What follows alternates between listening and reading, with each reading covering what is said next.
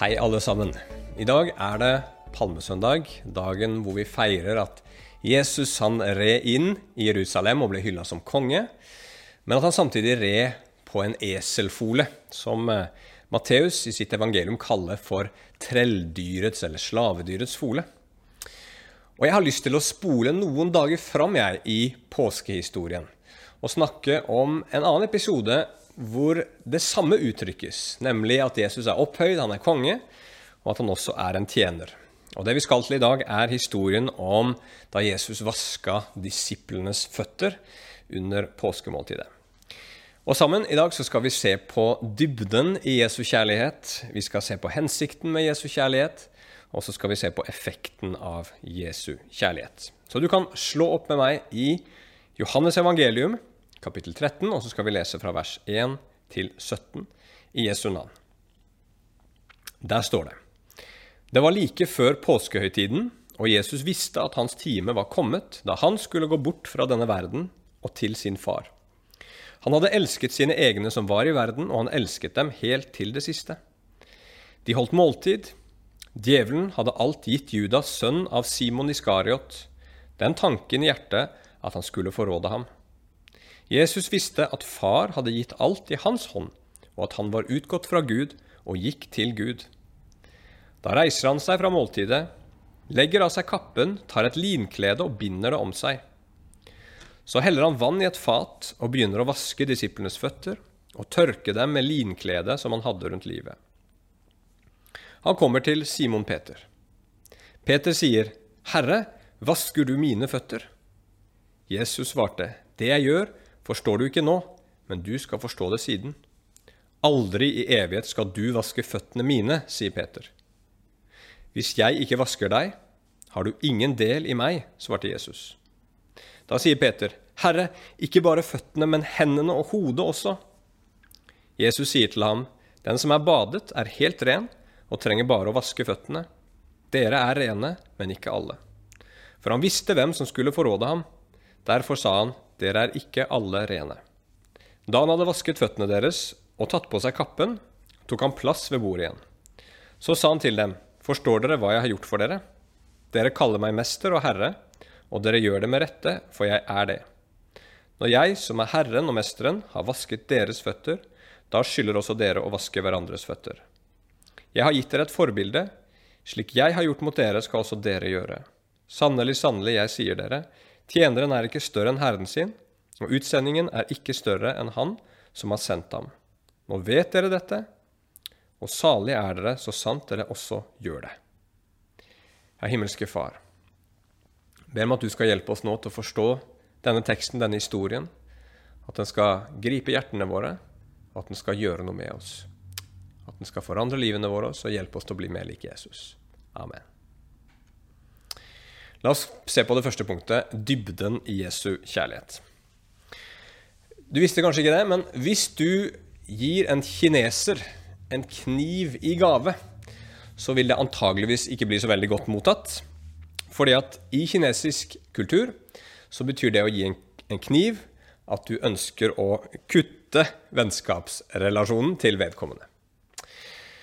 Alle kulturer har sine forestillinger og sine verdier som gjør at noen handlinger får en spesiell betydning. Og det Jesus, her, han, det Jesus gjør her, at han vasker disiplenes føtter, det hadde en helt annen og mye sterkere betydning i jødisk kultur på den tiden enn det har i vår. Så hva betydde det? Jo, la oss begynne med å si at i jødisk kultur på den tiden der så var fotvask ganske vanlig. Israel var tørt, støvete, og folk gikk rundt med sandaler. Så det betydde i grunn at hver gang du gikk ut, så ble du skitten på føttene dine. Og Derfor så var det ganske normalt å tilby fotvask til gjester når de kom på middag. Men det var sånn at den jobben var ikke spesielt vel ansett. Det var visse jødiske rabbinere som mente at en så nedverdigende oppgave som å vaske noens føtter, det kunne ikke en jødisk slave gjøre, det måtte man overlate til en hedensk slave, altså et annet folkeslag. Samtidig så fantes det også en tradisjon i eh, denne kulturen for at man kunne vaske noens føtter. Eh, ofte noen som man da anså som høyere enn seg selv, for å vise sin hengivenhet. Så en disippel f.eks. kunne vaske mesterens føtter ved noen anledninger for å vise kjærlighet og hengivenhet. Så sitter altså disse disiplene her til bords, eller for å være helt nøyaktig, så lå de til bords. På den tiden der så lå man gjerne rundt et lavt bord, og så lente man seg på venstre albue, og så spiste man med høyre hånd, mens beina var strakt ut bak en. Og her ligger da Jesus og disiplene til bords med skitne føtter, for det var tydeligvis ingen tjener som sto parat til å vaske dem. Nå kunne kanskje en av disiplene tatt den rollen og vasket de andres føtter, men vi vet jo fra historien om disiplene at eh, de krangla om hvem som var den største. Og det å da bøye seg ned og ta på seg den rollen, det ville kjapt avgjort spørsmålet om hvem som var den minste. Så bare se for dere sjokket, da. Når Jesus selv, mesteren, som de alle beundrer og virkelig ser opp til og følger, tar av seg kappen sin kler seg i det som på den tiden var tjeneruniformen. Og så begynner han å vaske disiplenes føtter. Og Det virker som de alle sammen er nokså stumme og knapt våger å si noe mens dette pågår. Men så kommer han til Peter, og Peter han har alltid noe å si. Så han sier med trykk Herre, vasker du mine føtter? Det var uhørt. Og Peter bare følte at dette her måtte han si noen ting om. Men Jesus han sier at dette forstår du ikke nå, men du kommer til å forstå det seinere. Men Peter han tror ikke at det noensinne kommer noen god grunn som kan rettferdiggjøre at Jesus bøyer seg ned og vanærer seg på den måten og sier, 'Herre, aldri i evighet skal du vaske føttene mine.' Nå gir han seg rett etterpå, det skal vi komme tilbake til. Men la oss tenke litt over hvorfor Jesus velger å gjøre det her. Hvorfor gjøre noe som blir sett på som uverdig slavearbeid, og noe som ble gjort som et uttrykk for hengivenhet til noen som var større enn seg sjøl. Vel, grunnen har noe med framtiden å gjøre, sier Jesus til Peter. Du forstår det ikke nå, men du skal forstå det. Forstå det. Hva er det som ligger rett foran oss i denne historien her som skal kaste lys over denne episoden? Jo, det som Jesus er på vei mot nå i Johannes evangeliet, det er korset. Nå har Jesu time kommet. Det betyr at han skal snart dø. Og korset i seg sjøl ville for disiplene ikke sett ut som noe annet enn en ren tragedie og en fryktelig vanære som Jesus mot sin vilje ble utsatt for. Men denne fotvasken fungerer da som et virkemiddel som skal kaste lys over denne uverdige døden på korset, som Jesus snart skal lide. Så det Jesus sier gjennom å vaske føttene til disiplene, det er for det første at han elsker dem så dypt. Han elsker dem så høyt at han er villig til å la seg vanære. Ikke bare gjennom å vaske føttene deres, men ved å dø på et kors for dem. Her åpenbarer Jesus en uhørt hengivenhet til sine disipler, som blir enda tydeligere på korset. Og da kan man tenke hva slags mester er dette? Som ikke lar seg tjene, men selv tjener på den mest vanærende måten.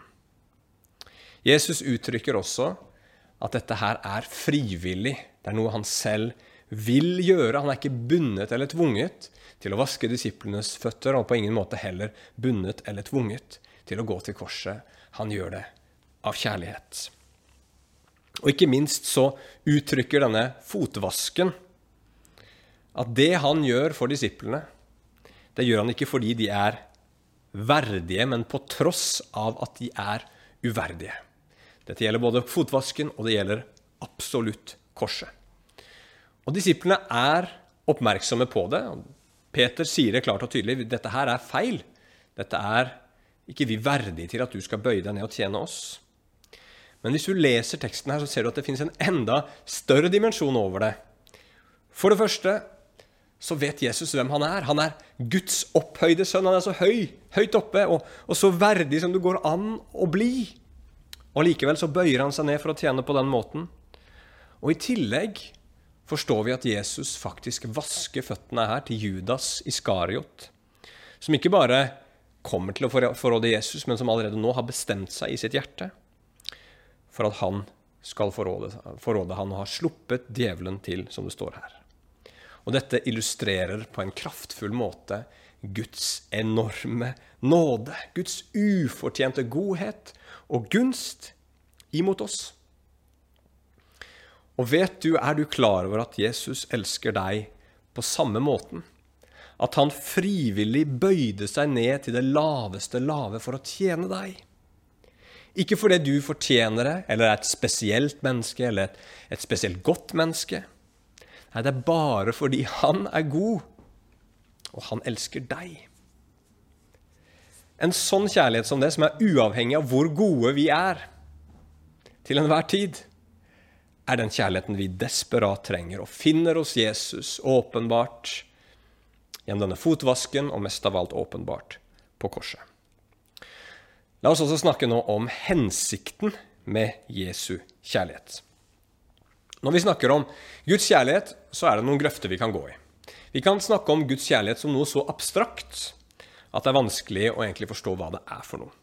Mange i dag de snakker om at de tror på en høyere kraft som elsker alle, og som er god, og elsker alle uansett hvem de er, og hva de gjør for noe. Og så har de store problemer med å tro på Bibelens framstilling av hvem Gud er. Og det høres jo unektelig fint ut med en sånn kjærlig, kosmisk kraft som elsker alle, men når alt kommer til alt, så blir det her bare et ord. For man må jo stille spørsmålet Hva har kjærligheten kostet, denne kosmiske kraften? Hva slags offer har denne kjærligheten drevet denne guden til? Hva, har, hva slags store ting har denne kjærligheten eh, motivert denne guden til å gjøre? En sånn type gud som det, som bare fins der oppe og har kjærlighet, har egentlig ingenting å vise til der. Men for oss som tror på Bibelens Gud, så har vi korset som en konkret og objektiv åpenbaring av at Gud elsker oss mennesker så mye at han var villig til å gå gjennom både smerte og død for å vinne oss. Men så fins det en annen grøft som jeg eh, stadig vekk legger merke til i dag. Og det er at man sier at Jesu død på korset bare er en åpenbaring av hvor mye Gud elsker oss. Med andre ord Jesus døde ikke på korset for å ta straffen for våre synder. Jesus døde ikke på korset for å bære Guds vrede over synden i vårt sted. Nei, for Gud han er ikke sint, han, sier man. Gud er bare god, og han uttrykker det på korset ved at Jesus dør for å vise oss det. Og det høres jo fint ut, helt til du begynner å tenke litt. For forestill deg følgende. Hvis du var naboen min, og huset ditt brant, og barna dine var der inne i, flamme, i flammehavet, så ville det jo vært et sterkt uttrykk for kjærlighet om jeg da løp inn i dette brennende huset, reddet barna dine ut, og i kampens sete mista mitt eget liv. Det hadde vært en fantastisk åpenbaring av min kjærlighet til deg. Men hva om huset ditt brant, og du sto utenfor sammen med familien din, alle var trygge, og jeg bare løper rett inn i det brennende huset og sier 'Se hvor mye jeg elsker deg'? Hadde du opplevd det da som en åpenbaring av kjærlighet? Nei, det ville føltes fullstendig bortkasta og på ingen måte opplevdes som kjærlighet. Så hvis Jesus døde uten noen som helst annen grunn enn å bare vise at Gud elsker oss, så måtte vi jo bare riste på hodet. Hva er liksom poenget med det? Men Jesus han viser her i fotvasken at det er mer på spill her enn å bare uttrykke kjærlighet. Når Peter nekter Jesus å vaske føttene hans, så blir Jesus veldig streng og sier, 'Hvis du ikke lar meg gjøre det her, så har du ingen del i meg. Altså Hvis ikke du lar meg tjene deg på denne måten her, så kan ikke vi ha noen relasjon. Vi kan ikke lenger ha noe vennskap. Og da snur Peter veldig raskt og sier, 'Vask hele meg, Jesus', Vask alt. Og så sier Jesus noe litt mystisk som vi straks skal komme tilbake til. Han sier den som er badet, er helt ren og trenger bare å vaske føttene. Hva er det Jesus og Johannes forteller oss her? Det at Jesus så dramatisk hevder at Peter ikke kan ha noen som helst relasjon til han, hvis ikke Jesus får vaskeføttene hans, underbygger at dette her handler om mer enn bare fot, fotvask. Det handler om en annen renselse som er så viktig at uten den så kan ikke Peter ha noen ting med Jesus å gjøre. Og I jødisk kontekst så var renselse et veldig kjent konsept. Hvis en jøde kom i kontakt med noe som var urent, så måtte de gå gjennom forskjellige typer renselsesritualer for å bli rene.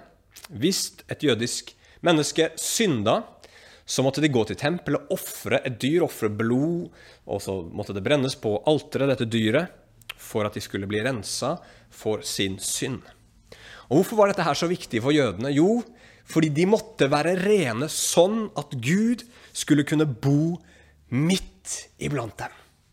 Og Da er det ganske oppsiktsvekkende at Jesus sier noe av det samme om seg selv til Peter. Hvis ikke du lar meg rense deg, så kan du ikke ha noen ting med meg å gjøre. Og så sier han det i noe som Johannes helt klart putter inn i konteksten av påskehøytiden, som handler om renselse. Dette her forteller oss at Johannes peker på at Jesus er Gud.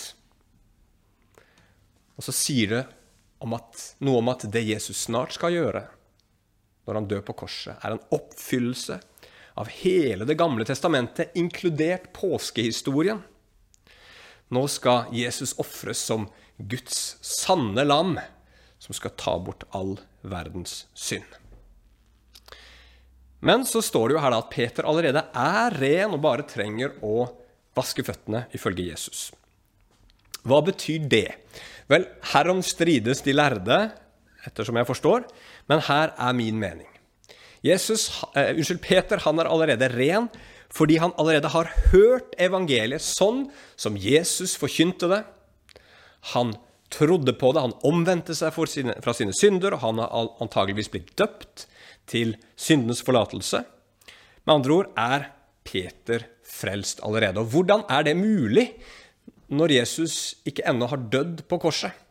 Jo, det er mulig av samme grunn som at Eh, Daniel og David og, og, Abraham og Moses og alle disse andre vi leser om i Det gamle testamentet, også kunne være frelst lenge før de hadde hørt om Jesus og hørt om korset. Fordi når Jesus dør på korset, så dør han på et bestemt punkt i historien, ja, men han dør for alle mennesker som noensinne har levd. Så når f.eks. Abraham kom til tro på Gud, han trodde Gud, og det ble regna han som rettferdighet, står det i første Mosebok.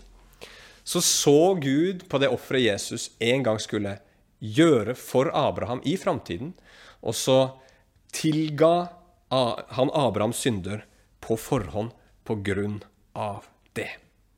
Så her var de alle sammen rene, sier, Gud, eh, sier Jesus, unnskyld, bortsett fra Judas, som antageligvis da ikke hadde kommet til en sann tro. Så de var rene pga. at de hadde tatt imot evangeliet så langt som de hadde sett, og så langt som de hadde forstått. Men hvorfor denne fotvasken da, hvis Peter var ren?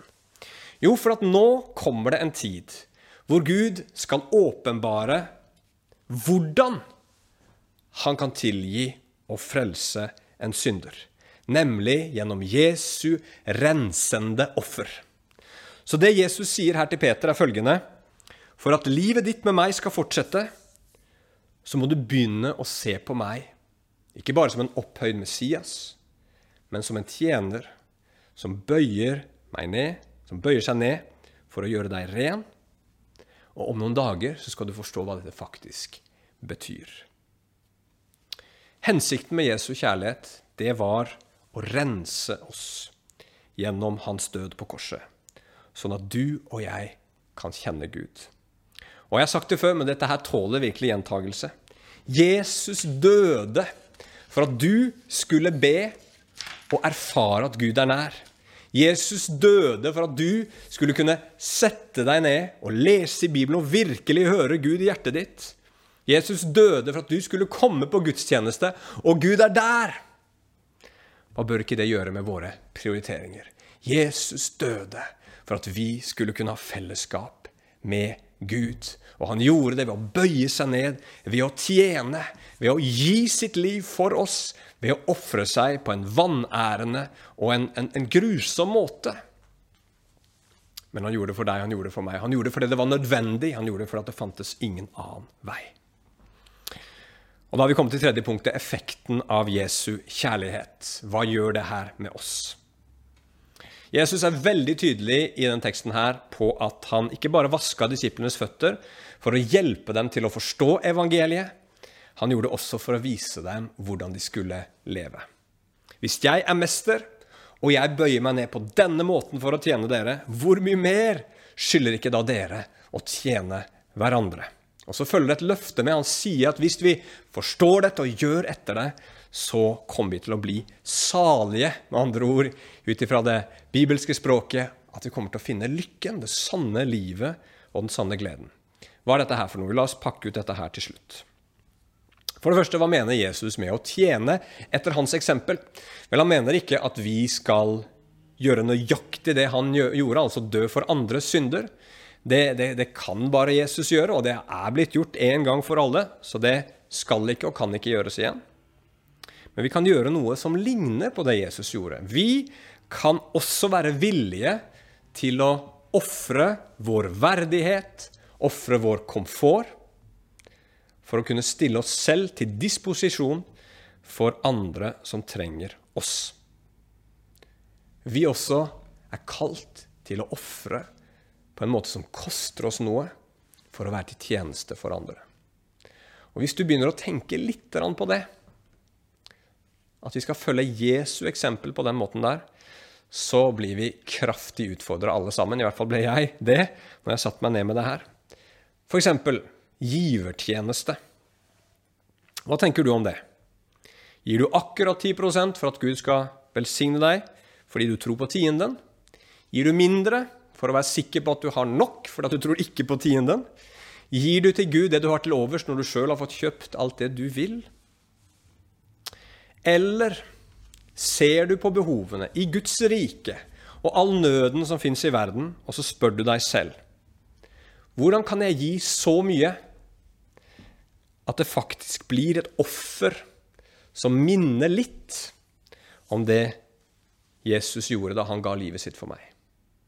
Og det handler ikke om summen, det er Jesus tydelig på, men hvor mye det er i forhold til det vi faktisk har å rutte med.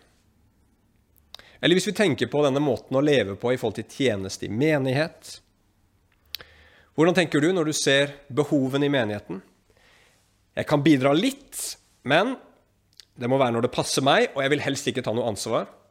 Er det det du sier? Er det det jeg sier? Eller sier vi jeg kan godt tjene, men jeg må føle at jeg får noe igjen for det? Eller jeg vil helst slippe, for jeg har nok med meg sjøl. Hva tror du ville skjedd hvis en menighet tenkte, hvis alle tenkte, hvordan kan min tjeneste i denne menigheten minne litt om det ufattelige offeret som Jesus ga for meg på Golgata? Hvordan ville det sett ut? Det ville revolusjonert enhver menighet. I relasjoner kan vi bringe Jesu fotvask inn i ekteskapene våre, inn i familiene våre, inn i vennskapsrelasjoner, inn i menighetsrelasjonene? Hvordan kan vi vise noe som minner litt om Jesu offer, når andre fornærmer oss eller ikke gjør ting på vår måte? Hva gjør det med vår villighet til å lytte til andre, til å hjelpe hverandre og til å tilgi? Hvordan kan vi bringe det inn i relasjoner? Og så er det dette med evangelisering. Vi er blitt kalt av Jesus til å være hans vitner og til å forkynne evangeliet for hele skapningen. Og så har du sikkert merka som meg at det å fortelle andre om Jesus veldig sjelden er kostnadsfritt. Vi kan føle oss dumme, vi får negative tilbakemeldinger, vi kan bli baksnakka, vi kan bli utfryst. Og så kan vi kjenne på det at andre menneskers frelse Bare tenker vi at menneskene rundt oss trenger Jesus for å ikke gå fortapt. Og at Gud kaller de til fellesskap med seg, det, det kan bli en stor byrde noen ganger. Og Derfor er det sånn at vi kristne helst vil unngå den smerten og de problemene. Ved å ikke dele troen vår så veldig frimodig med andre. Men hva med at Jesus faktisk ofra seg for å redde oss? Han ofra alt for å redde oss fra våre synder. Hva med hans vanvittig nedverdigende død på korset for å sette oss fri, sånn at vi kunne få leve og ikke dø, og bli løfta opp til verdighet som Guds barn? Bør ikke den kjærligheten der tvinge oss til å dele Jesus med andre, sånn som Paulus snakka om? Er dette her egentlig et valg for oss? Skylder vi ikke å tjene? Sånn som, Paul, sånn som Jesus sier her i vers 14. Ikke for å bli frelst, ikke for å bli godtatt av Gud, men fordi vi er det. Sagt på en måte, annen måte Det Jesus sier her, det er ikke Hvis dere ikke tjener som jeg tjener, kan dere ikke ha noe med meg å gjøre. Han sier ikke det. Han sier ikke at hvis ikke dere følger mitt eksempel, så kan ikke vi ha fellesskap. Nei, det er ikke det han sier til Peter. Han sier hvis ikke du lar meg tjene deg, så kan vi ikke ha fellesskap. Så han sier ikke at fellesskapet bygger på deres gjerninger, men han sier fellesskapet bygger på mine gjerninger.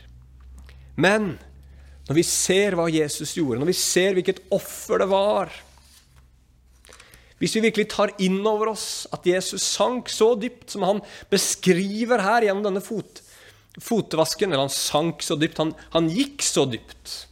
Han lot seg nedverdige helt i korsets død for at vi skulle bli frelst av bare nåde, for å tjene oss til det ytterste. Kan vi tenke på det? Kan vi ta imot det? Kan vi tro på det? Uten at det gjør noe med oss. Kan vi tro på det og så fortsette i vår egoistiske livsstil? Nei, det må gjøre noe med oss. Det kan ikke etterlate oss uforandra. Da kan vi umulig ha forstått det. Og så følger det et fantastisk løfte med. Vi skal bli salige. Vi skal erfare lykke. Og da betyr ikke det alltid umiddelbart. Ikke alltid det å tjene Gud gjør deg lykkelig, der og da. Noen ganger så får man en, en, god følelse etter man har tjent, andre ganger så kan det være slitsomt, frustrerende, tungt. Der og da så føles det noen ganger som et offer, og det gjorde det jo definitivt på Jesus på langfredag. Men så gikk det et par dager, så kom oppstandelsen, og da var alt snudd på hodet. Uansett om du kommer til å kjenne på din tjeneste som et offer eller en velsignelse, det kommer til å gå opp og ned i livet ditt, så kommer din oppstandelse som kristen en dag også. Og da kommer alt til å bli snudd på hodet. Alt kommer til å komme i et annet lys. Da kommer du og jeg til å gremmes over alt det vi gjorde, ut ifra egoistiske motiver. Det kommer til å bli så flaut og så pinlig på den dagen. Og så kommer vi til å være så takknemlige og så glade for alle de mulighetene vi brukte til å tjene. Så la oss leve i kraft ut ifra denne historien, ut ifra Jesu eksempel.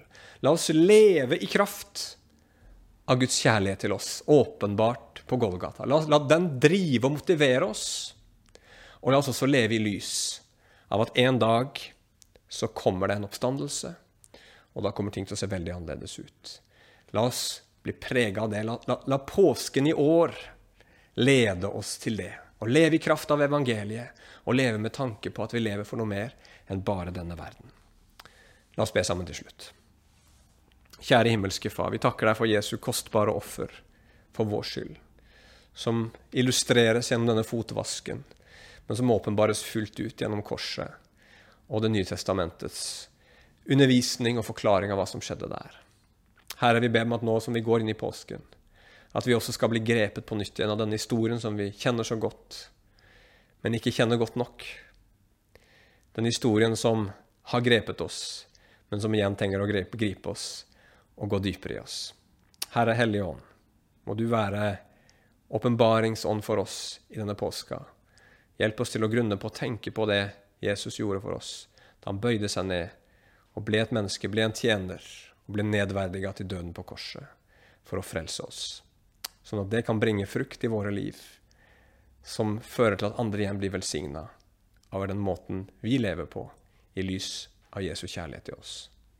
Amen.